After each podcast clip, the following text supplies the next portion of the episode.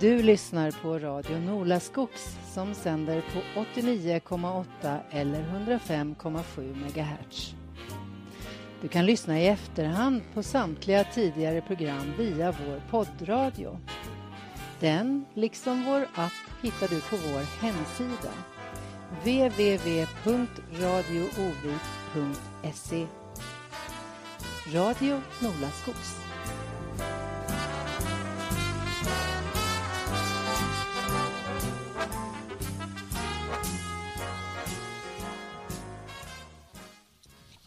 Ja, god förmiddag kära publik. Jag heter Sven Lindblom och är programvärd idag och i dagens program kommer det handla om Örnsköldsviks Allehanda som företag och viktig och, ah, och stor arbetsgivare i staden. Med, med, på sin tid med flera stycken dotterbolag också.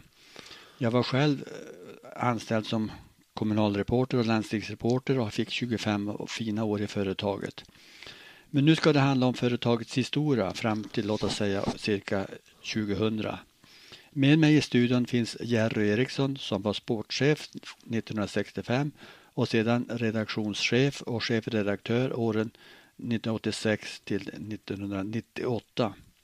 Här finns också Ulf Ölund som arbetade med teknik i tidningsproduktionen och civiltryck från 1965 till sin pensionering 2008. Här finns också Olle Boman som kom från Modo Hockey till ÖA som personalchef och vice VD 1983 och VD från 1995 till sin pensionering 2001. Vi har tillsammans en väldig massa år i företaget. Men det är ju så att du är du Jerry Eriksson som kan företagets historia bäst av oss alla. ÖA var inte första tidningen i staden, eller hur var det? Ja, pratar vi idrottsspråk så fanns faktiskt inte jag på prispallen förrän eh, vi kommit in på 1890-talet. Det var nämligen inte alldeles lätt att starta ortstidningar under 1800-talet om man inte planerade den på ort där det fanns statsrättigheter. Och skälet var tryckfrihetsförordningens lagtext från den 2 april 1766. Den krävde nämligen statsrättigheter för att man skulle få starta en tidning och trycka den på hemmaplan. Det var väldigt viktigt att ha en egen press. Den här lagtexten korrigerades visserligen ett antal gånger, bland annat av Gustav III, men eh, kungen han såg också till att tryckpressen fick stanna enbart i orter med stadsrättigheter. Ändå fanns det ett par företagare här i Örnsköldsvik som försökte eh, starta tidningar och den första ut var Gustav Maurits Källström, en målare och mångsysslare. Han tryckte en tidning som hette Ripan och den kom 1877 men eh, tyvärr överlevde den inte så länge. Det var ekonomiska problem. Och det var det också med den andra tidningen som kom då ett par år senare och eh, som en kommissionslantmätare vid namn eh, Daniel Åslund eh, presenterade. Även den trycktes i Umeå och hette Örnsköldsviks Nyheter. Och den fick också läggas ner på grund av ekonomiproblem.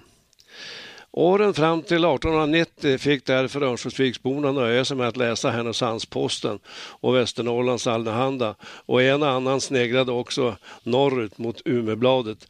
Det var inte populärt. År 1890 fick Örnsköldsvik sin första tidning som klarade inte bara de inledande åren utan överlevde faktiskt ett 60-tal år framåt. Eh, mannen bakom tidningen som hette Örnsköldsviks-Posten, hette eh, Axel Lönnberg och de inledande åren fick han trycka sin tidning i Umeå men så småningom flyttade han ner tryckningen till faktiskt till Härnösand där ägarna fanns. Men eh, tidningen fick inte ett helt positivt mottagande och efter några år började några företagare fungera, fundera heter det, på att starta en ny tidning med en mera liberal framtoning och med lokalt material. Men innan vi går in eh, på den tidningen så ska vi lyssna på en låt som passar bra in i sammanhanget, nämligen Artie Shaws Begin the Begin.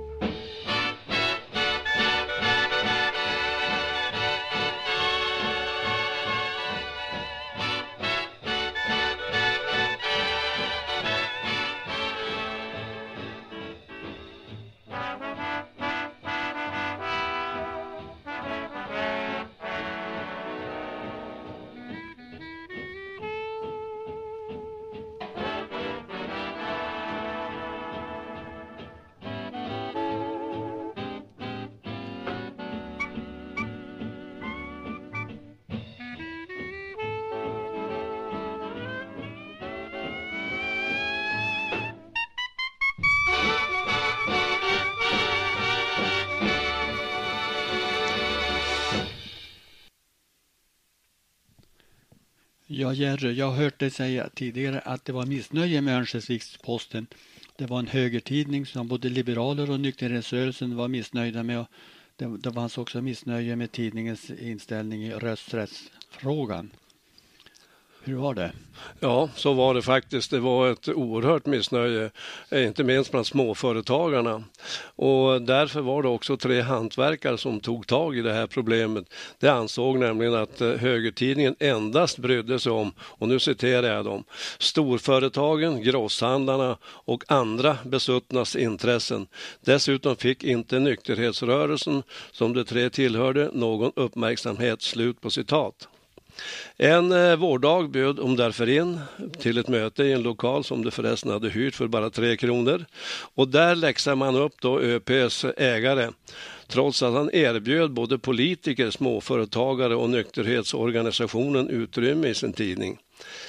Idag kan vi tacka målaren August Olsson, skomakarna Edvin Östberg och Anton Bylund för att vi faktiskt har en ortstidning.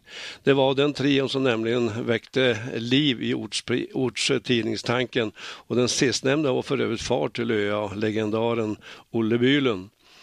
Den 15 november 1894 kom provnumret i 2000 exemplar och den 1 december var premiär, premiärnumret ute och lokalbefolkningen med köpmännen i spetsen var glada att de äntligen fick en egenproducerad tidning med den 20-årige Erik Böhmer som redaktör.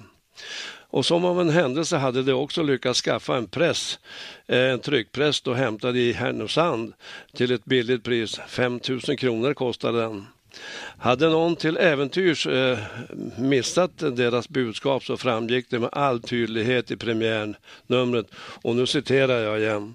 Kunskap är makt heter det och eh, så som vi tror med full rätt. Vi ska därför i vår djupaste omsorg redogöra för och belysa dagens politiska eh, företeelser eh, såväl som viktigare kommunala frågor. I budskapet framgick också att det skulle lyfta nykterhetsfrågorna samt det som på den där tiden kallats för arbetarfrågan. Men tack och lov finns det här som du nu berättat Jerry Eriksson det här finns nedtecknat i boken Hallins historia som du höll i trådarna för och där vi alla tre som, eller alla fyra för, er som var med i det här programmet, vi har också medverkat i den boken. Jag tycker det är viktig historia, både för inte bara tidningshistoria utan det här handlar om stadens och kommunens historia också. Erik Hallin var född 1881 och var, har varit en mycket viktig kugge i företagets historia. Du kan mycket om honom också. Ja, vi ska gå in så småningom eh, på Erik Hallin här, men jag tänkte också att vi först eh, ska köra ännu en låt med kopplingar till eh, tidningsverksamheten. Det är en låt hämtad ifrån Billboards världsledande musiktidning och ehm, som då hade en topp 100-lista ett antal årtionden under 1900-talet. Den här låten är Chubby Checker och den heter The Twist.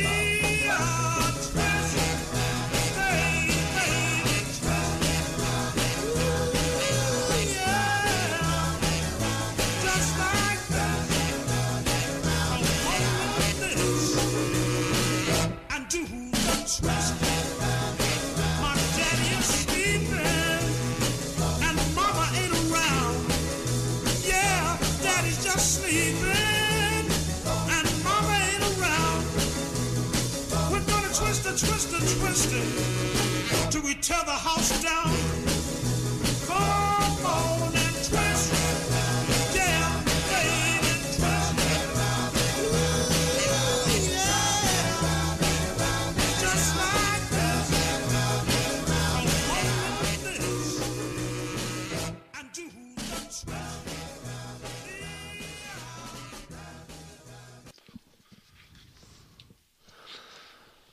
Eh, om ni undrar vad Billboard har att göra i ÖAs historia så kan jag bara berätta att eh, den tidningen kom med sitt premiärnummer en månad före ÖA.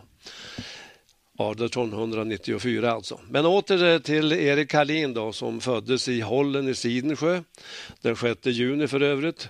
Eh, han visade väldigt tidigt att han var intresserad av ekonomi och, och, företag och sökte sig därför i slutet på tonåren ner mot eh, Hola folkhögskola.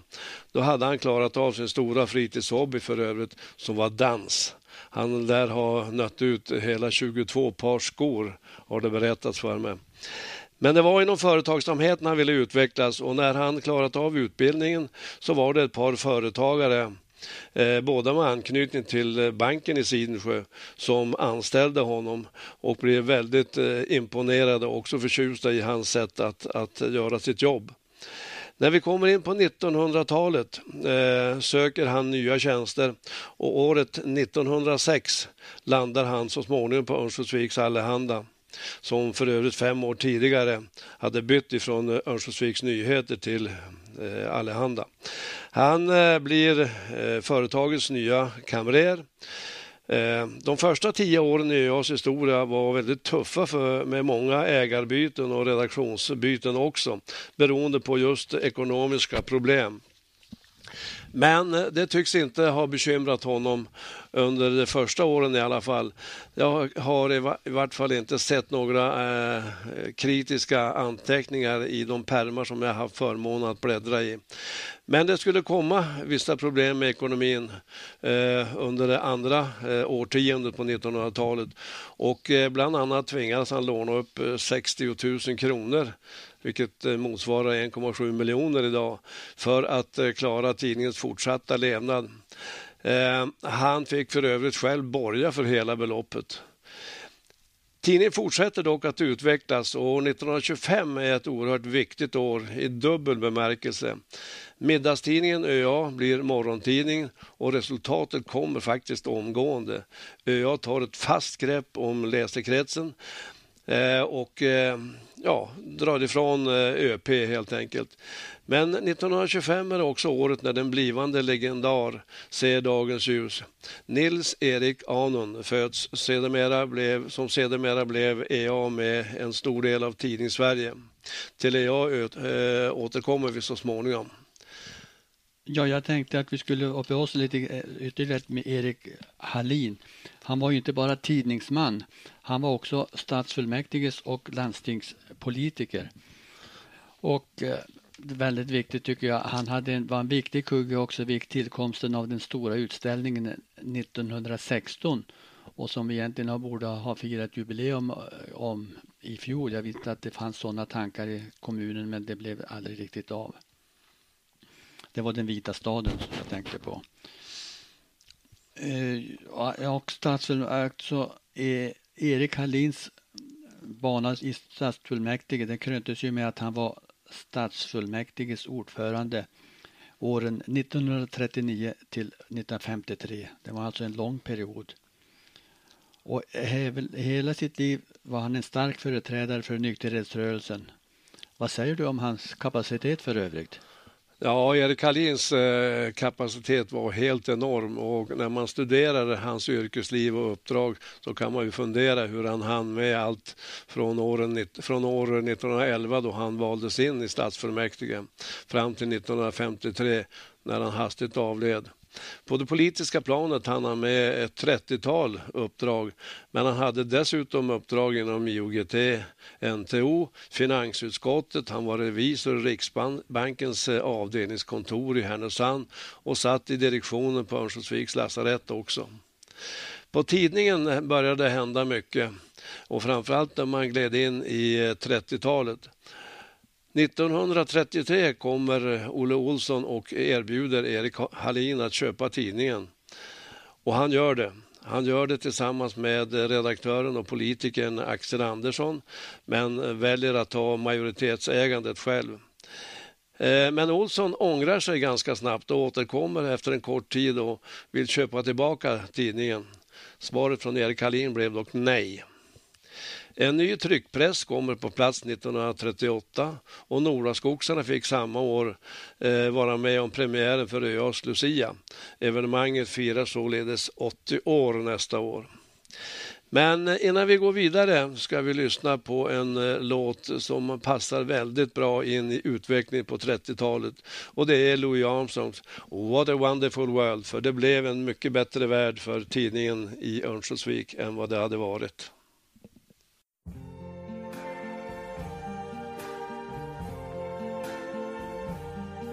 I see trees of green, red roses too. I see them bloom for me and you. And I think to myself, what a wonderful world.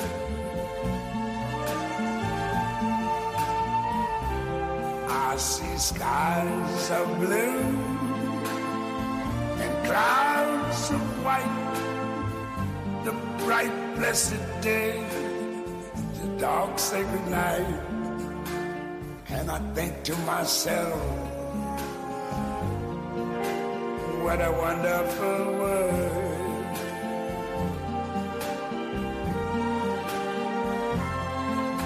The colors of the rainbow, so pretty in the sky, also on the faces of people going by. I see friends shaking hands, saying, How do you do? They're really saying, I love you. I hear babies cry. I watch them grow. They learn much more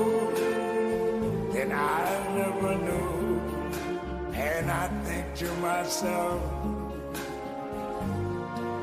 what a wonderful world.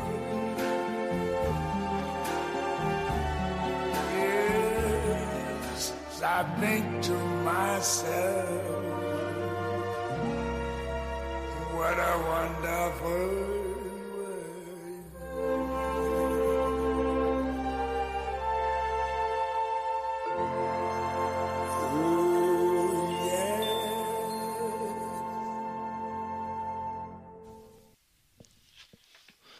Eh, under Erika Hallins framgångsrika år på ÖA kom eh, också dubbelannonsen till eh, som faktiskt väckte ordentlig ilska runt om i landet.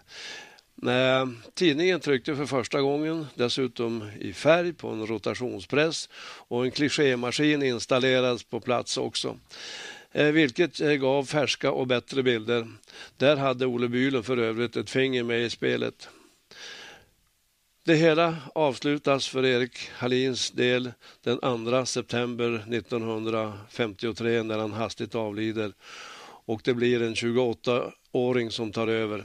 Erik Anon Hallin blir Sveriges yngste tidningsägare. Ja, därmed kommer vi in på Erik Anon som ju blev en legend redan under sin livstid. Hur vill du karaktärisera honom? Han satt bland annat i styrelsen för 34 organisationer och bolag när han var som mest i farten. Ja, det brukar ju faktiskt heta i lite olika sammanhang att sådan far är sådan, sådan son. Och det där stämmer ju oerhört bra in på Erik Anon som, liksom pappan då, omgående visade sig vilja utveckla ortstidningen efter faderns död. Han var inte helt obekant dock med tidningsmiljön utan hade jobbat i perioder från 1943 och på heltid på slutet sedan han avslutat eh, sin utbildning. Det var allt ifrån springpojke han gjorde till tidningsbud och till att lösa andra problem som var av lite mera allvarlig karaktär inne i huset. Jag växte snabbt in i vd-kostymen och ÖA var redan på 50-talet en trygg arbetsplats med mycket erfaret eh, folk på redaktionen, det grafiska och på annonssidan. Och apropå annonssidan så fortsatte eh, jag ÖA faktiskt sin offensiv. Men i slutet på 50-talet, 1959 eh, för att vara exakt, så höll kreativiteten på att kasta ut ÖA ur Svenska Tidningsutgivareföreningen, TU. Det var ett samarbete med Västernorrlands Allehanda om marknadsföring och försäljning av riksannonser som irriterade. Samannonsering gav nämligen kunderna större täckning av hushållen i Ångermanland och framförallt då till lägre pris, vilket störde några på riksplanet men också lokala tidningar. Men ganska snart insåg eh, kritikerna eh, förmånen i det hela och ställde in sig i ledet och ÖA blev kvar i TU. Under 1960-talet kom ÖA att sticka ut än mera. Eh, EA hade inlett ett samarbete med Västernorrlands Allehanda och Gotlands Allehanda om ny tryckteknik. Och den 5 oktober 1964 rullade det första numret av ÖA ut i offsettryck. Den nya trycktekniken köptes väl inte rakt av av kollegorna runt om i landet. Men ganska snart så eh, insåg de att det var en riktig och långsiktig planering och insats att göra. Eh, man vill ju gärna eh, själva också ge tidningarna eller ge sina läsare en tekniskt bättre tidning. Själv satt jag 25 mil längre norrut och följde utvecklingen och många eh, på den tidningen var imponerande. Imponerade ska det vara. EA fortsatte under 60-talet att satsa på teknikutveckling och ÖA var till exempel först i Sverige med att installera bland annat datastyrd sättning av text och rubriker. Och, eh, och det var ju ett steg i tekniska utvecklingen det också. Då var det lite grann bråk med grafikerna också. Eller hur var det med den? Det var inte alldeles lätt att komma fram med den nya tekniken alla gånger. Nej, det är klart att eh, många var lite tveksamma men eh, så småningom så eh, var det ingen tvekan om att man köpte den nya tekniken fullt ut och trivdes med den. Men även på redaktionen hände något som väckte uppmärksamhet inom Tidningssverige? Ja, så var det faktiskt. Tidningens chefredaktör just då, alltså Axel Andersson, skulle pensioneras och EA hade sökt efter en ersättare och faktiskt också hittat honom. Namnet var Olle Norell, känd från veckopressen, radio, tv och Expressen. Men, eh, vilket var viktigt för EA, han hade också anknytning till Örnsköldsvik. Eh, familjen Norell hade redan några år, en några år gammal son som de gärna ville skulle växa upp i en lugnare miljö än den stockholmska. Och så blev det. Olle Norell tackade alltså ja och började 1965 och satt på chefsstolen fram till sin pensionering 1988. Olle kom att sätta tydliga spår efter sig, både då som ledarskribent och som krönikör.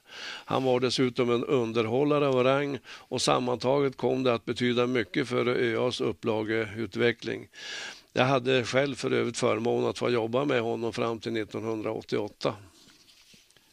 Ja, ni lyssnar på Radio Nolaskogs och programvärd idag är Sven Lindblom. Och jag sitter här med Jerry Eriksson. Vi fortsätter att prata om ÖA här. Erik Anund hade ju också visioner, ständigt visioner om ÖA och dess framtid. Både investeringsmässigt men också till glädje för läsekretsen och då tänker jag på distributionen. Ja, så var det. ÖA hade länge hävdat att en morgontidning alltid borde vara en morgontidning för alla hushåll och inte bara komma till vissa hushåll Eh, som fanns i tätorterna. Eh, 1988 kom därför beslutet som han eh, genomförde med kraft och det var att samtliga hushåll i Örnsköldsviks kommun skulle fortsättningsvis få sin tidning före klockan sex. Det blev verkligt klang och jubel, fast inte riktigt på alla ställen i kommunens ytterområden. Trehörningsjö och Myckeljensjö protesterade faktiskt eh, mot eh, totaldistributionen. Eh, jag blev för övrigt kallad till Myckeljensjö för att förklara varför vi tagit beslutet och varför det inte kunde få ÖA och NN samtidigt. Eh, citat, vi har ju tappat en del av det sociala vid postlådorna var det en som sa. Efter att jag fått en rejäl avhyvling så blev det naturligt för mig att ställa den självklara frågan. Alla som vill återgå till postutdelning, upp med en hand. Det blev tyst och stilla i lokalen. Alla tittade sig omkring om någon skulle reagera, men icke. Därför tackade jag för mig och åkte hem och protesterna lugnade ner sig så småningom. Och eh, så småningom insåg man också fördelen med att en morgontidning eh, kom alltid på morgonen. Men eh, EA var inte bara serviceinriktad och skicklig ekonom. Han ville ständigt utveckla företaget och eh, från 70-talet fram till sin pensionering fick vi uppleva eh, många förändringar eh, till det bättre och tidningen fortsatte att växa upp eh, lagermässigt. Och eh, 1973 blev vi faktiskt den största tidningen i Ångermanland. Och fick en upplaga faktiskt på 19 036 exemplar mot Nya Norrlands 18 302. Men vi fick eh, också eh, inte bara positiva besked utan faktiskt både överraskande och lite chockartade. Och eh, det stora beskedet kom 1974 när Erik Ahnen valde att sälja ÖA till Sundsvalls Tidning av skattetekniska skäl. Men han sa också att han skulle bli klar som VD och ansvarig utgivare. Det var faktiskt ett besked som lugnade oss. Den positiva utvecklingen av ÖA fortsatte och vi på golvet märkte ingen skillnad de närmast kommande åren trots ägarskiftet. Sålunda fortsatte datoriseringen att byggas ut. Bolaget köpte på sig civiltryckerier till vilket eh, vi återkommer, byggde fastigheter och klev fram som ett av de vinstrikaste tidningsföretagen i landet under många år. Det märktes också i personalens börs för övrigt. Vi fick nämligen ta del av vinsten, mycket unikt i Tidningssverige. Jag tror att vi är många som är tacksamma över att vi fick vara en del i den offensiva utvecklingen av ortstidningen. Själv hann jag med 33 fantastiska år på ett antal poster. Men rekordet anställningsår i företaget är fortfarande på drygt 50 år och den som har det, han heter Allan Jernberg. EA var, som du sa Sven, en legendar och han satte verkligen spår efter sig i tidningssverige. Och vi som fick vara med ett antal decennier med honom som chef kände stor trygghet. Ja, det var mycket historia. Vi skulle kunna sammanfatta det här lite grann i några årtal. Eh, och nu, nu tänker vi på företaget, eh, ja inte så mycket på den redaktionella spåren utan företaget som arbetsgivare. Och då var vi, kan vi starta på 1894 då. Det var alltså tre hantverkare som bestämde sig för att satsa på en ny ortstidning, eller hur? Ja, det stämmer. Och det, den kom som premiärnummer då den 1 december och fick namnet Örnsköldsvik Nyheter. Och eh, 1901, 1901 så blev den Örnsköldsviks Allehanda.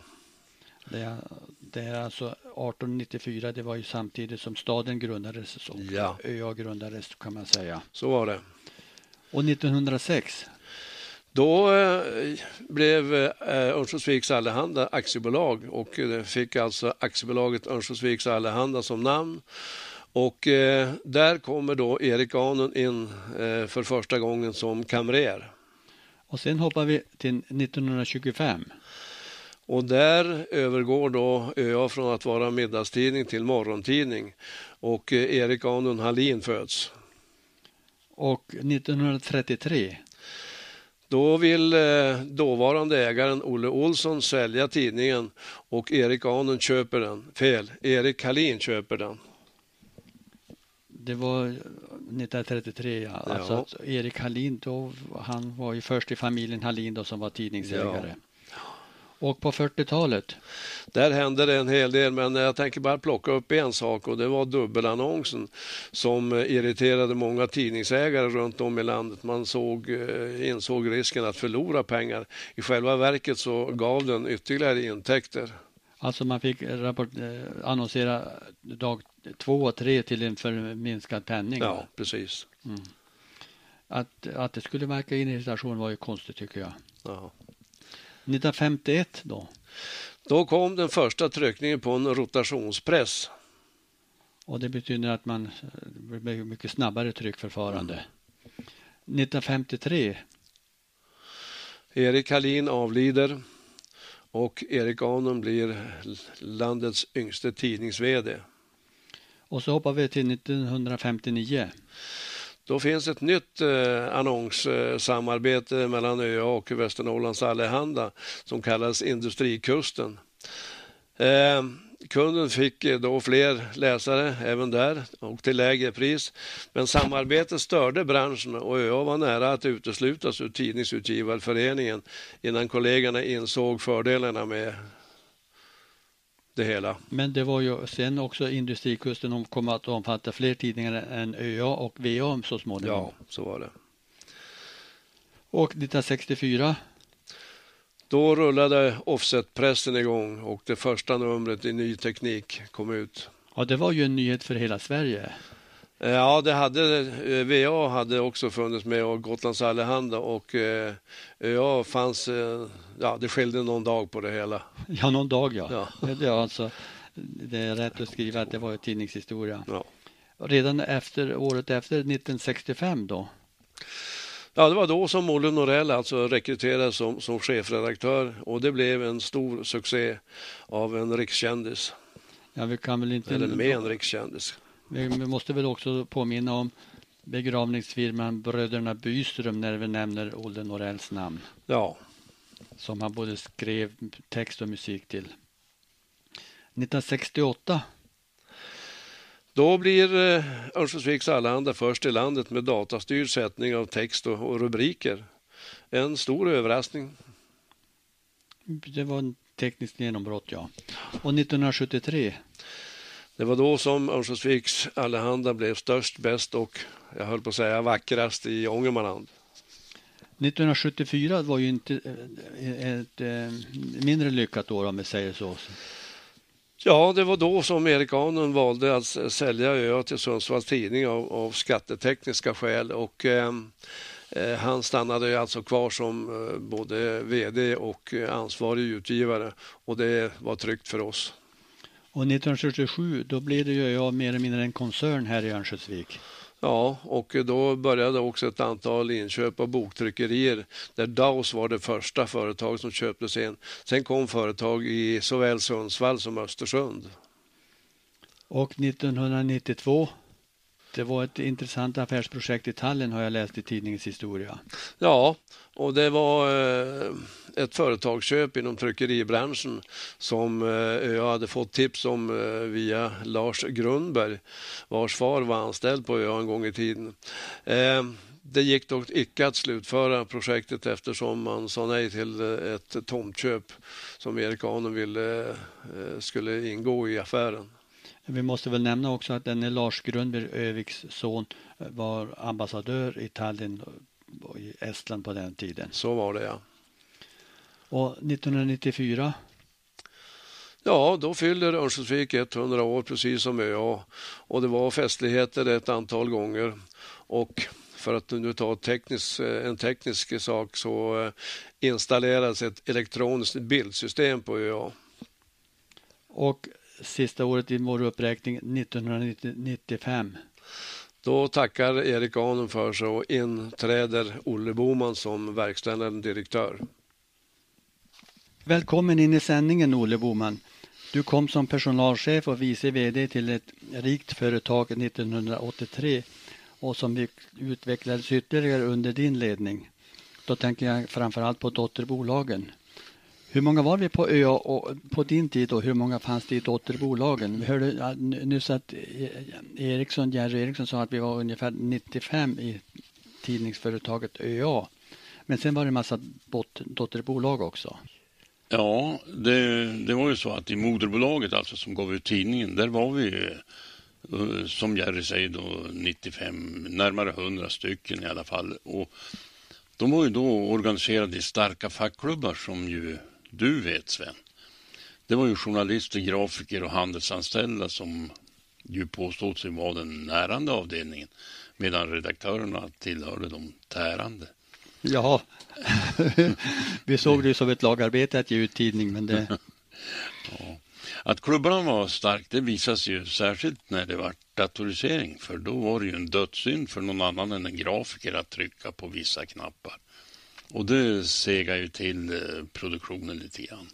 Ja, det hör ju till bilden att en av grafikerna tillhör förbundsstyrelsen för det grafiska fackförbundet i Sverige så att han kände sig tvingad ja. att driva de frågorna. Ja, det, det, men eh, allt skedde ju i, i, i, god samvaro i alla fall så det funkade ju bra. Och, men bland de här anställda så fanns det ju en mycket betydelsefull man i företaget Eh, nämligen stans sista disponent. Han hette Rolf Hoffman och var under många år EAs närmaste man. Hans idéer och hans sätt att leda annonsavdelningen var ju av stor betydelse för den fortsatta utvecklingen. Och en annan som kom att påverka var som Jerry sa, Olle Norell. När han tog jobbet som chefredaktör så väckte det ju uppmärksamhet i hela landet. Tv-kändis som han var. I den, I den då lilla koncernen fanns det ju även några, ett eh, civiltrycksbolag och Daos som hade köpts eh, 1977. Och där, där arbetar väl det totalt cirka 12-15 personer. Och eh, totalt så med, med eh, dotterbolagen så var det 100, kanske 200 personer totalt i koncernen då i ÖA. Ja, det, det räckte nog inte med, med, med 200. Det, om man då räknar in, vi hade också ett uh, servicebolag, Allehanda Service hette det, som skötte utdelning av tidningarna. Och det var ju inte heltidsanställda, men uh, de var anställda fast i alla fall. Och uh, med de inräknade så var vi bortåt 260-270 personer. Oj då. Som värst. Du jobbade ju väldigt nära Erik Arnlund Hallin då. Vad var det som drev honom att lägga under sig så mycket eh, dotterbolag? Var det, var det viljan att få total dominans över opinionsbildningen i staden eller var det eh, affärsmässiga ö, överväganden varje gång? Ja, jag, jag tror nog att det, det senare är huvudskälet i alla fall till den här uppbyggnaden. Det var ju så att eh, den här koncernbildningen, den tog ju sin eh, start i samband med köpet av Daos och den utvecklas ju snabbt uh, för att få till ett, en så stark och lokalt förankrad verksamhet i Örnsköldsvik som möjligt. Och att satsningen i den riktningen var framgångsrik det visas ju inte minst i tidningsverksamheten där ÖA under många år resultatmässigt tillhörde de allra främsta i landet. Som, ja. som mest hade vi ju inte mindre än sju dotterbolag i form av eh, reklambyrån Mittinfo, radiobolaget Riks, dataföretaget Allehanda Display och så fyra civiltryckerier dessutom. Eh, när, när, du lämnade företaget så då hade ju vi eh, anställda annonsörer och prenumeranter tillsammans fått ihop en 150-160 miljoner kronor i en aktieportfölj beroende på kursutvecklingen just den vecka man räknade. Eh, vad hände med de pengarna? Ja, det, det är ju omöjligt för mig att veta vad de eh, speci specifikt användes för. Men eh, vi eh, stred ju eh, länge för att få behålla kapitalförvaltningen i Örnsköldsvik. Och det, till slut så blev dock eh, kraften ifrån ägarhåll allt för stark så de eh, plockade ju över då eh, hela kapitalförvaltningen till Gävle. Var, där, var, var, det Gävle Dagblad eller hade Mittmedia bildats då? Eller var det Gävle Dagblad som... Nej, det, det var Gävle Dagblad, koncernen som eh, gällde då. Det var innan Mittmedias tid. Och vad gjorde de med 160 miljoner? Ja, som sagt, jag, jag vet inte var, vars eh, pengarna direkt for. Men eh, de hade ju stora kapitalbehov för att de gjorde ju stora inköp. De köpte ju Centertidningar bland annat som ju kostade eh, eh, eh, mer än en och en halv miljard och gjorde Centern till rikaste politiska partiet. Och det betydde ju att där behövdes ju varenda krona man kunde skrapa loss antar jag. Men det var ju inte bara eh, de rena kontanterna, aktierna som for till Gävle ÖA. Koncernen ägde också fastigheter i staden. Visst var det flera stycken? Ja, vi hade ju ett eh, fastighetsbehov och det var nästan det mest förvånande att man gjorde sig av med detta. Man sålde ju fastigheterna just för att komma över kapital till de här investeringarna som man då eh, satte igång i, i Gävle. Och det, de fastigheter vi hade var ju eh, rena kassamaskinerna. Det rann ju in 15-20 procent i bruttovinst varje år och man behövde inte göra annat än räkna in pengarna. Men uh, Ja, tyvärr gjorde de en annan bedömning och gjorde sig av med fastigheterna. Ja, du är alltså öppet kritisk till hur de förhandlade, förvaltade pengarna nere i Gävle? Ja, det, det, man kan inte vara öppet kritisk när man inte vet hela bakgrunden och hela bilden, hur den ser ut. Men eh, det är klart att det hade icke blivit på det här sättet om eh, vi på ÖA hade haft någon möjlighet att påverka beslutsgången ytterligare. Det sägs att i mitten på 90-talet så försöker Erik Ganund eh, köpa tillbaka ÖA ifrån Sundsvalls Tidning då som var ägare. Vad vet du om det?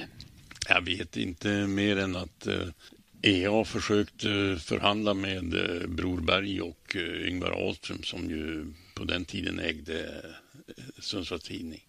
Men man kom inte fram till, till någon överenskommelse.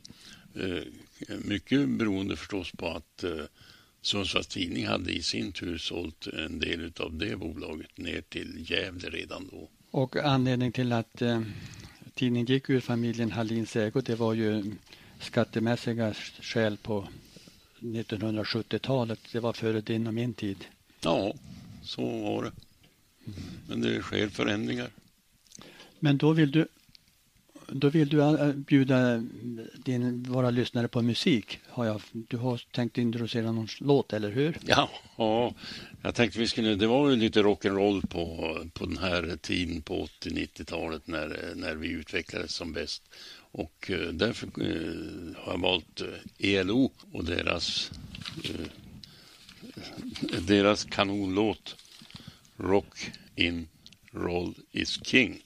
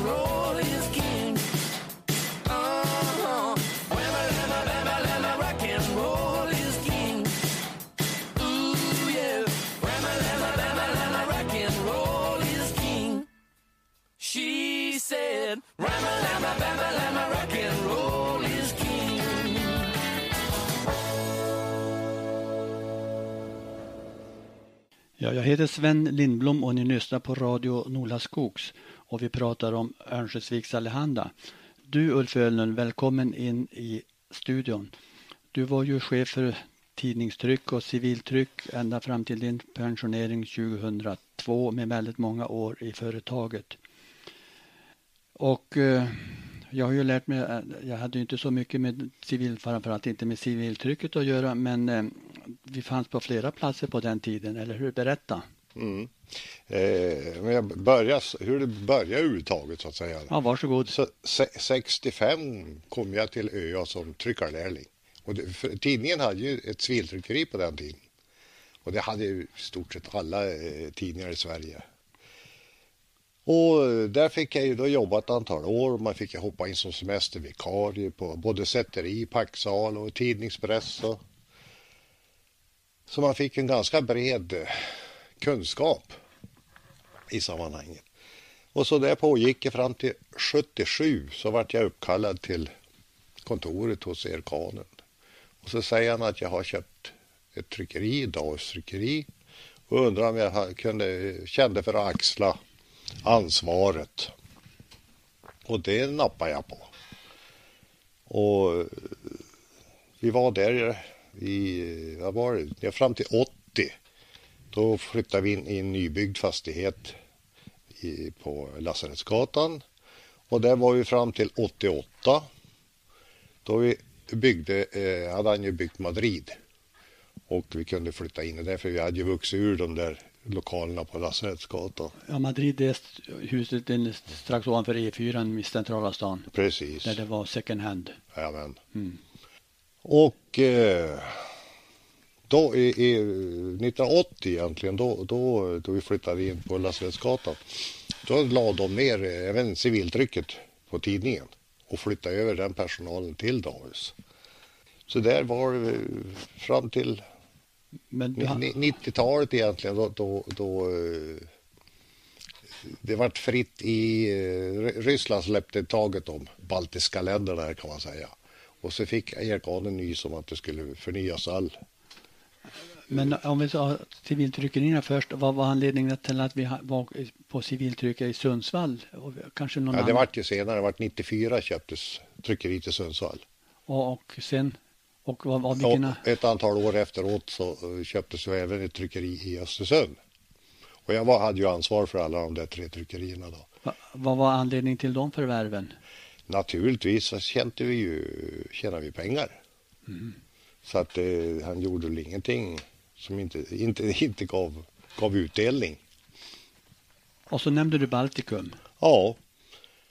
Och det var ju, var ju väldigt spännande för att de hade ju sin gamla ryska eh, skolmaterial och det här skulle då produceras nytt och det här var i sam, eh, samråd med svenska och danska regeringen om det var Sida som inblandade i det hela. Och eh, vi var ju över då och tittade på tryckeri i Tallinn som var oerhört ålderstiget. Jag förstår det rätt så syftet var alltså att förnya skolmaterialet, inte bara den ryska, Sovjetunionens eh, lära då, utan man skulle förnya hela skolmaterialet i, i, skolorna. Ja, i Estland, ja. Och då skulle ÖA vara med där? Ja, det var ju tanken då. Och det där hade ju han nappade på Erkan då tack vare en, eh, han som var diplomat då i Tallinn, tappar namnet nu. Men eh, pappa Hanses hade varit eh, kamrer en gång på, på ÖA. Och eh, det var väl så han fick, fick nys om det hela. Just det. Och det var så väldigt hoppfullt ut väldigt länge. Han var engagerad i Erkanen, det alltihop det här. Men eh, det visade sig då, då det skulle slå till så att säga, att det fick inte, eller han sa ju det, att vi måste bygga en ny fastighet. Och det gick ju inte. För att de sålde ju inte marken. Och då tyckte ju inte Erkanen det var vits att och, och bygga någon fastighet eller någonting eller starta upp ett tryckeri där. Så att det for i stöpet och då det som jag säger då 94 istället då vart det i Sundsvall då, och det var ett tryckeribolag som hade gått konkurs där då. Och du var ju nära in, ihop med ÖA och Erik Arnud. Han var intresserad av teknisk förnyelse, visst, visst, var det så? Ja, det är ju en förmån att fått jobba på ett sådant företag som verkligen var i framkant i, ja, i all, all ny teknik som skulle ju prövas. Och det som vi säger, vi var ju först med Offset 64 och sen kom ju Macintosh-datorer och Ja, det var, det var uh, otrolig utveckling egentligen om man säger både 70 och 80 och framförallt 80-talet.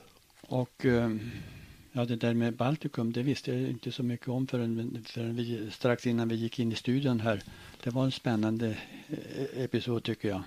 Ja, jo, det var, det var spännande för oss allihopa, jag på. Så att det, det var, det var, det är synd att det stöp egentligen, för det var ju spännande som sagt var och hade varit inspirerande och fått, fått vara med på det där. Samtidigt kan man ju säga efterhand i och med Estonia-katastrofen här att kanske var tur att det inte vart någonting också.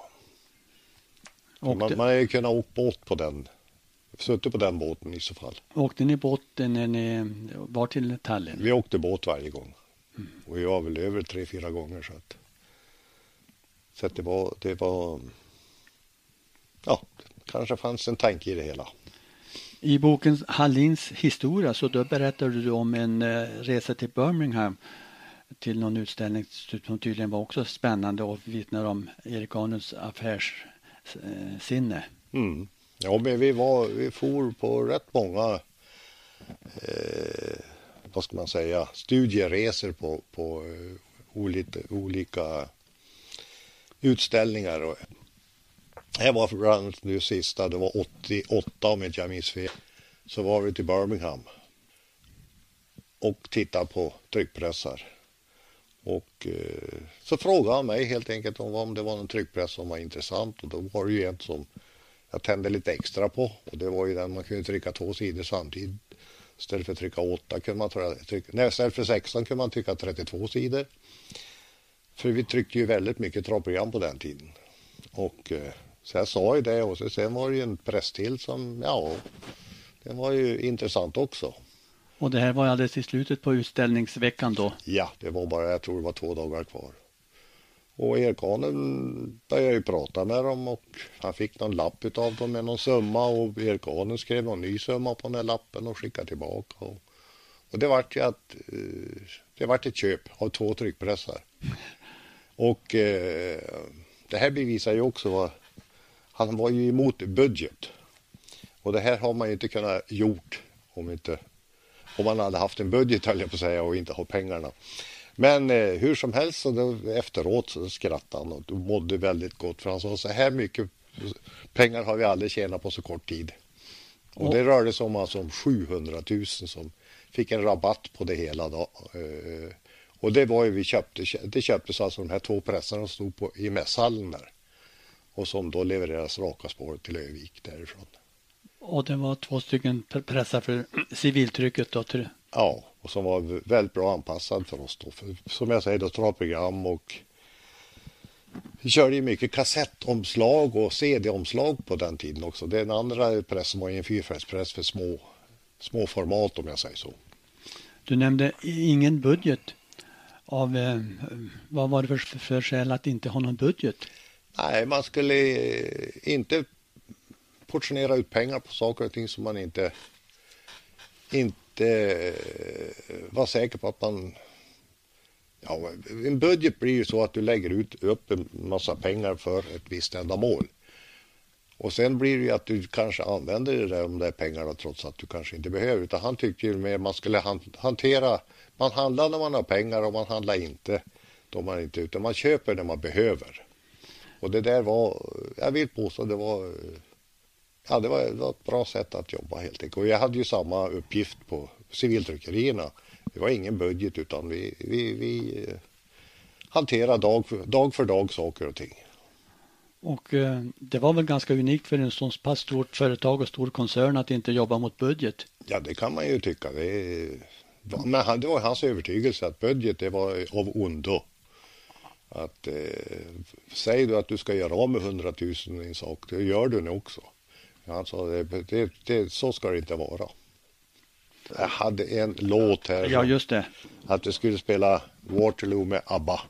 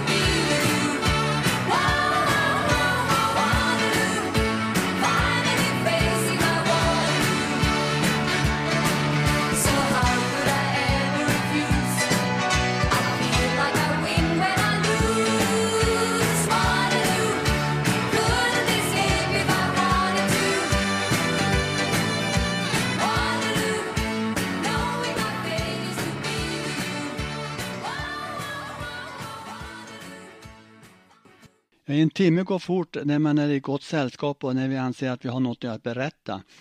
Jag tycker att vi fått fram att ÖA är mer än en tidning som i varje fall förr damp ner i brevlådan i nästan varje hushåll på morgnarna. ÖA är också ett stort företag som ger många jobb på en konkurrensutsatt marknad. Nu ska vi avrunda den här sändningen med att lyssna på Örnsköldsviksförfattaren Bo R Holmberg som läser ur sin roman Bedragarna.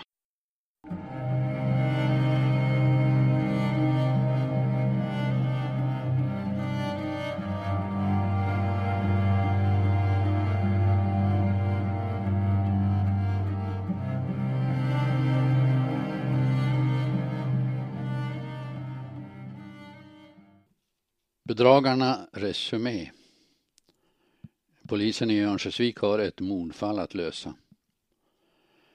Man har fått ett eh, personaltillskott. Erik Morells son Karl är nu anställd som polis.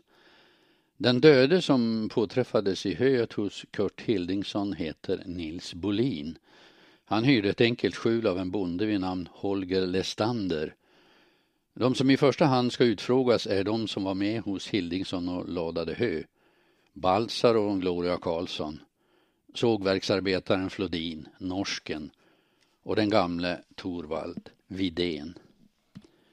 Bedragarna avsnitt 4. Jakob Bengtsson var kanske jämngammal med Erik Morell. Eller så skilde det något eller några år. Han visste inte. Ingen visste. Det var han som Jakob trott vara hans far och som hette Levi som bestämt hans födelsedag. Men Levi var inte hans far. Det var Levis bror Esau Jakob Brolin. Efter hans död hade en gammal kvinna kommit in på polisstationen med ett barn som lämnats i hennes vård. Det hade varit Esau Jakobs son och Levi hade tagit hand om barnet som sitt eget utan att veta exakt när pojken var född. Så något år kanske det skilde mellan Jakob Bengtsson och Erik Morell. Det var annat som skilde dem också. Medan Erik Morell hade en stor familj saknade Jakob en son. Han bodde fortfarande ensam och hade nu kommit till den ålder när det var ganska säkert att han skulle förbli ensam. Han bodde i en tvårummare med kök nära torget och hade så gjort i många år. Och det var där han var på lördagsmorgonen när en taxi med Erik Morell hämtade honom och han blev insatt i mordet i Arnäs. Morell var inte ensam polis i bilen. Två yngre polismän fanns i baksätet. Vi ska gräva lite i hö, sa Erik. Kurt Hildingsson satt hopkurad på en flakvagn med benen i kors och armarna i knäna som två flaxande vingar. Men han reste sig när de fyra polismännen kom gående. Det blir ett himla jobb, sa han. Men det måste göras, sa Erik. Ska jag vara med också? sa Hildingsson. Ja, det vore bra, sa Erik. Flodin är här också, sa Hildingsson och pekade mot mangårdsbyggnaden. Han kanske behövs också. Hur flera vi är, sa Erik. Hildingsson hasade ner från flaket och gick ner på gården medan polismännen travade upp på lon. Jakob Bengtsson glodde ner på hömängden. Hinner vi idag? sa han. Det tog dem några timmar att dra undan hö, att spela upp hö in på logolvet, att krypa genom hö, att sticka med högafflar. Det enda som fastnade på en gaffel var en död jätteråtta, men ingen luffare, ingen Lundberg låg ihjälslagen i höet. Det var Erik som bestämde att arbetet var över genom att säga nu ger vi oss. Flodin hade varit med hela tiden. Erik hade slagits av hans rena, prydliga arbetskläder. Han var en mager man med ljus hy, blå ögon och lockigt hår och han tog Morells ord som ett avsked och var genast på väg ut när Erik ropade på honom. Eh, jag skulle vilja prata med er lite om det går för sig. Lodin drog upp en klocka ur byxfickan och glodde en stund på den men nickade sen. Eh, vad tror ni om kaffe? sa Erik till Hildingsson. Eh, för er medan... Jo, sa han, Gerda kan. Erik vinkade iväg de två polismännen. Jakob tittade frågande på honom. Du ska vara med, sa Erik. Han tittade sig omkring, men nickade sedan mot flakvagnen. Bara en slurk till oss, ropade han till Hildingsson. Eh, jag har semester, sa Flodin, från sågen. Från och med i fjol är det tre veckor, tre veckor, men på semestern är jag hos Kurt. Så är det och så har det varit. Semester, sa Jakob. Sju barn, sa Flodin. Alla tillskott behövs. Han satt rakt på flaket, Jakob bredvid. Erik Morell stod. Ja, ni vet ju vad som hänt, sa Erik. Två som var med i slotten försvann. En låg död på lon, den andra vet vi inte vart han tagit sig. Kan ni säga något om dem, liksom berätta med egna ord? Bolin? Jo, honom kände Flodin. Han bodde ju här i byn, åtminstone på sommaren. Han hyrde ett ruckel av Holger Lestander. Och det visste ju Erik. Men han var som lat och Flodin hade aldrig riktigt begripit varför Hildingsson, ja, jag, jag Kurt, anlitade honom. Han var mest i vägen och grinig och vrång var han också, en latoxe. Om han var svår på fruntimmer? Ja, se det visste inte Flodin någonting om. Men han var en som bara försvann och var han var då hade Flodin ingen blekaste om. Men så dök han upp. Man kunde se honom i affären. Och en gång, det var väl nu i våras vid påsk kanske, då hade han stått där och berättat sig i en alldeles ny kostym med vit skjorta och slips. Men så försvann han igen och vips så var han tillbaka när Saladagen kom och slotten skulle igång. Fruntimmer, ja det visste han inget om, men lat. Han spottade ut ordet som om det plågade honom att ha det i sin mun. Vad levde han av? Ja, inte blev han förmögen av de små pengar som Kurt gav han. Affärer, sa han ibland. Man, man gör affärer, sa han. Kan ni tänka er att någon av dem som var med och ladade kan ha tagit ihjäl honom? Ja, vem skulle det vara? Någon som ogillade honom? Ja, det gjorde nog alla. Ni också? Ja, det gjorde jag väl, men inte brydde jag mig om honom. Men att Kurt aldrig skulle ha med honom, han, han var en sörkuse. Var det någon särskilt han pratade med? Ja, kanske mest med Widén ändå. Eller prata, han surrade på och idén är ju gammal och hade väl svårt att värja sig eller be han hålla käften. Luffaren då? Flodin hoppade ner från flaket. Ja, han hade varit som tystlåten berättade han, men bra på att arbeta. Lundberg hette han, ljus och kraftig, skäggstubb. Han hade kostym på sig, en sliten svart sån och vanliga skor. Det såg ut som han hållit på med släprefsa förr, men han pratade ju som om han kom söderifrån. Han sa han skulle neråt Ådalen sen. Det var där han varit förut också. Sa han det? Jo, sa Flodin. Det var sistdagen i hörsningen och då sa han det. Han skulle dit. Han hade varit där förr på sorteringen i Sandslån och han tänkte arbeta där en månad och sen ge sig ut på vägarna igen. Han sa det. Erik kände en lätt upphetsning. Han tittade på Jakob som suttit tyst. Nu nickade han och log.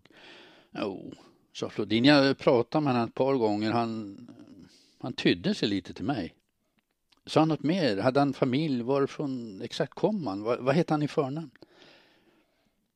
Och jag fick som känslan att han hade familj. Förnamnet sa han aldrig. Och var han kom ifrån, det vet jag då inte. Men en sak till. Vadå? Sa Erik. Han lät som, vad hette, bildad. Det var ju hur han pratade men också något annat. Jag, jag vet inte riktigt men ingen bondlök precis om ni begriper vad jag menar. Ni ska ha tack, sa Erik. Stort tack. Han sträckte på sig. Vad tror ni? Finns det något kaffe kvar? Jag måste nog hem, jag, sa Flodin. En sak till, sa Erik. Ni vet Jehovas vittnen, de som går runt och predikar. Inte kunde väl Bolin vara ett sånt? Flodin log för första gången ett leende som genast försvann, som om han ångrat att han släppt fram det. Nu var han på surrhumöret, men det var bara dyngprat om man säger så. Nej, aldrig i livet, sa han. Finns det någon med den tron här i byn? Jo, en, sa Flodin. Hilma. Hilma, sa Erik. Ja, hon bor hittanför affären, sa Flodin. Andersson i efternamn.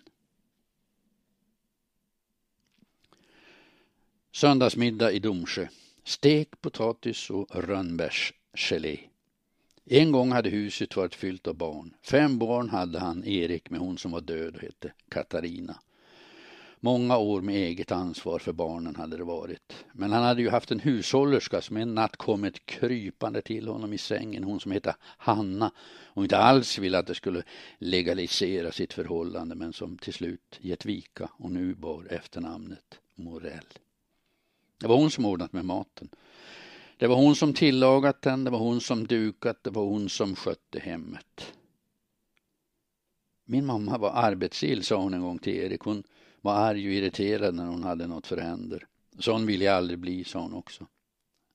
Är det därför du nynnar, hade Erik frågat. Kanske, hade hon sagt.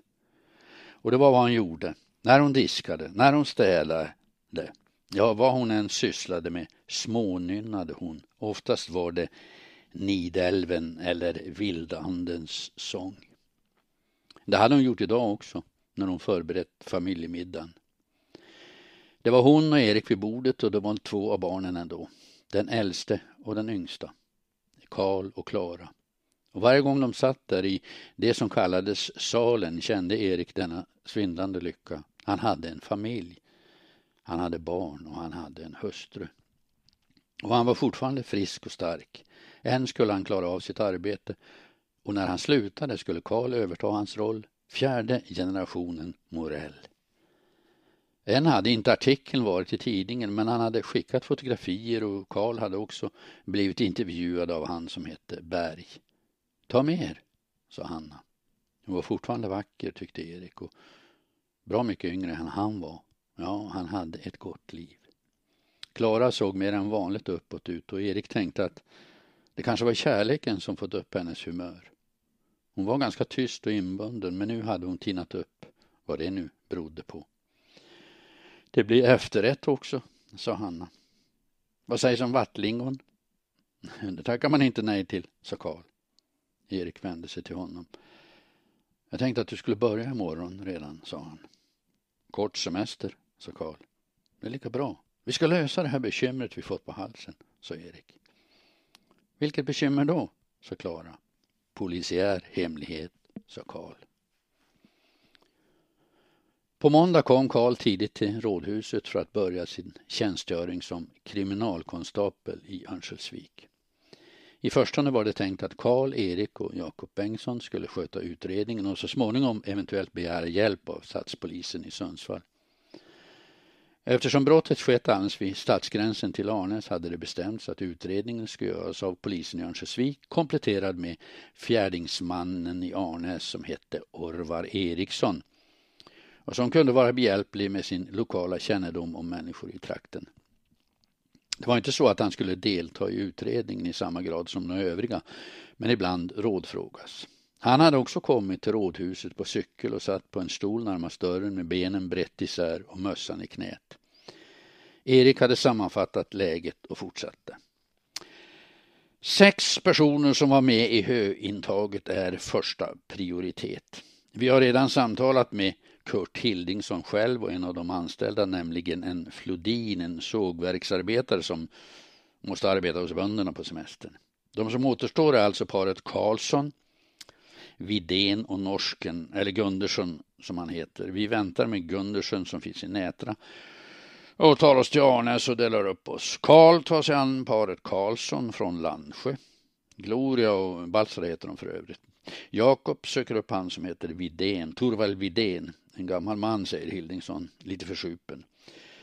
Själv tänker jag prata med en kvinna som heter Hilma Andersson och som kan ha information om Nils Bolin. Han vänder sig till Orvar Eriksson. Har du något att tillägga? Något du vet om de personer jag nämnt? Eller, eller Nils Bolin? Orvar Eriksson var en smalaxlad man med rosiga kinder och ett rejält underbett som blev ännu större medan han funderade. Ja, jag vet ju vilka de är, sa han till slut. Ja, utom han Gundersen då, men Bolin. Jag ska vara ärlig, så är det ju inte så att han hör till byn, eller hörde, det var inte ofta han var här, men man såg han på sommaren mest. Jag har aldrig hört om något, vad säger man, skumt eller så om han, det har jag inte. Det är, ju, det är en del som missköter sig, brännsprit i mindre skala eller tjuvjagar, men Bolin har jag aldrig haft något med att göra. Men det kanske beror på att han inte bodde här, liksom bo, jämt. Så tyvärr, jag önskar att jag kunde hjälpa er, men och de som arbetade hos Hildingsson då? sa Erik. Orvar Erikssons underkäke sköt fram som om den var på väg bort från ansiktet. Vidén är ju inte född här, sa han. Han hade hemman i Gideå ett stort, men det sägs att han söp upp det. Kärringen hans och pojkarna han hade flyttade ifrån han. Och för jag var, ska jag tro, fem, sex år sedan köpte han det, det där huset där han bor nu. Det, det är väl mer som en backstuga och kostar nog inte så mycket. Men han hade så pass ändå att han kunde göra det. Vad familjen är har jag ingen aning om. Men, men han är ju ett exempel på vad spriten kan ställa till med. Han tog en paus innan han fortsatte. Flodin är väl vad jag skulle säga rekorderlig. Han har massor av barn i varje fall och är på sågen normalt Karlssons. Ja, de är väl kanske inte Guds bästa barn, utstötta på något sätt. Ja, och tattare väl. När saker och ting försvinner så tror ju folk att det är de som tagit och så. Det försvann ett par sådana där cyklar med påhangsmotor och då var jag dit och försökte söka igenom hus och uthus men jag fann ingenting. Och sen kom det ju fram att det var en pojke som hade stulit dem, en storbondpojke. En annan sak sa Erik. Det, det gäller luffaren. Det mest troliga är ju att det är han som gjort det och hade det varit så att han försvann efter Bolin så kanske det var klappat och klart, men så var det inte. Om man får tro Hildingsson. Först slutade luffaren och dagen efter Bolin. Luffaren som heter Lundberg ska finnas i Ådalen. Han är efterlyst och jag har varit i kontakt med polis i både Kramfors och Nyland. Hittar vi honom kanske allt är löst. Till dess fortsätter vi med våra utfrågningar. Han vände sig till Orvar Eriksson. Om du hör någonting, om du kommer på någonting om byn, om folket där, om Bolin eller om de som arbetade hos Hildingsson så hör du av det så fort som möjligt. Orvar Eriksson nickade och reste sig. Med det var genomgången gjord och en ny arbetsvecka tog sin början. Hilma Andersson stod det på en dörr på andra våningen i ett gult hus närmast en affär som skyltade med namnet Näslunds lanthandel. Erik Morell hade tänkt sig henne som en äldre kvinna med hårknut och stränga ögon men blev förvånad när dörren öppnades av en ung flicka med ljust långt hår. Eh, Hilma Andersson, sa han. Hon nickade med ett försiktigt leende. Jag är polis, skulle jag kunna få, få prata lite med er? Hon nickade igen och lät honom komma in. Det var ett stort rum med en dörr mot vad Morell tänkte var en sovkammare. Till vänster en annan öppen dörr med ett kök bakom. Framför fönstret ett bord, en grå soffa och två fåtöljer i samma färg. Vid ena väggen en radiogrammofon och ovanför den en liten bokhylla. Varsågod och sitt, sa Hilma Andersson. På bordet en uppslagen bibel och en bunt Vakttornet. Erik Morell satte sig i soffan och nickade mot tidningsbunten. Eh, ni hör till dem som predikar, sa han. Jag går i tjänst, sa hon. Jag, jag vittnar om Jehova, mest i stan. Mm, på heltid. Eh, jag arbetar på posten i stan. Hon hade ett öppet ansikte med troskyldiga ögon. De vidgades en aning nu. Förvåning, förundran, förväntan. Erik visste inte. Han undrade om hon visste att Nils Bolin blivit mördad. I tjänst, sa han. Heter det så? Hon nickade. Ni kanske undrar varför jag uh, söker upp er, sa Erik. Hon nickade igen. Ni vet var Holger Lestander bor? Jo, det visste hon, sa hon. I en stuga på hans mark bor en annan man som heter Nils Bolin, eller stuga förresten, en, ett skjul mera. Jag vet var det ligger, sa hon. Har ni varit dit någon gång? Jo, det har jag, sa hon. Han är förtappad. Han är död, sa Erik Morell. Han återgav i korthet vad som hänt Nils Bolin och sen berättade hon hur hon mött honom. Hon hade eh, gått i tjänst sent i våras på Storgatan i stan, från torget och några kvarter upp. Hon hade besökt folk i deras bostäder, hon hade varit inne i affärer men framförallt hållit sig på gatan för att träffa människor där. Och då hade han som hette Nils Bolin stannat och köpt några tidskrifter och också en bok. Han hade visat intresse för det hon sagt om jorden som ska bli en paradisisk plats en gång efter Harmageddon. Så mycket intresse hade han visat att hon frågat honom om hon kanske skulle besöka honom för att kunna berätta mer. Det hade han velat och hade då beskrivit var han bodde. Hon hade sagt att hon skulle söka upp honom nästkommande helg. Eh, gick ni dit? Jo, det gjorde jag. Hon slog ner ögonen och en röd fläck spred sig på kinden. Träffade ni honom? Jag gick aldrig in. Hon reste sig. Får jag bjuda på någonting? Kaffe? Eh, ett glas vatten, sa Erik. Hon gick in i det som var kök och återkom med en bricka med två glas och en tillbringare vatten. Hon slog upp åt Erik och åt sig själv. Sen drack hon ett fullt glas innan hon satte sig. Jag, jag knackade. Ingen svarade. Men då jag tyckte att jag hörde röster inifrån öppnade jag dörren och det var då jag begrep vad det var jag hört. Hon rodnade ännu mer. V vad hade ni hört? Han, han och en kvinna höll på med det som en man och en kvinna gör i äktenskapet, sa hon. Men han var inte gift, sa Erik. Nej, han var inte det, sa hon. Det var otukt jag såg och jag slog genast igen dörren och sprang därifrån. En droppe svett tillrade nerför hennes panna och hon strök bort den. Har ni varit dit flera gånger? sa Erik. Hon skakade på huvudet. Ja, jag tror inte att han är mottaglig för sanningen, sa hon. Alla ska ges en möjlighet att få den. Det är min uppgift att delge de goda nyheterna. Jag vill ge honom dem. Jag tror inte att han menade allvar. Han kanske var intresserad av er av andra skäl, sa Erik. Hon svarade inte på det, men ansiktet skrynklades ihop som av fasa. Vem var kvinnan? Såg ni det? Hon tvekade. Ögonen förstorades. Det är en polisutredning, sa Erik. Det är viktigt för oss att få veta allt om Nils Bolin. Hon drog åt sig bibeln och slog igen den. Det var Evert Danielssons Margareta, sa hon. Och hon är gift. Eh, Bor Danielssons här i byn? Eh, bortanför affären, sa hon. Har ni berättat det här för någon? Nej, det var så skamligt, sa hon.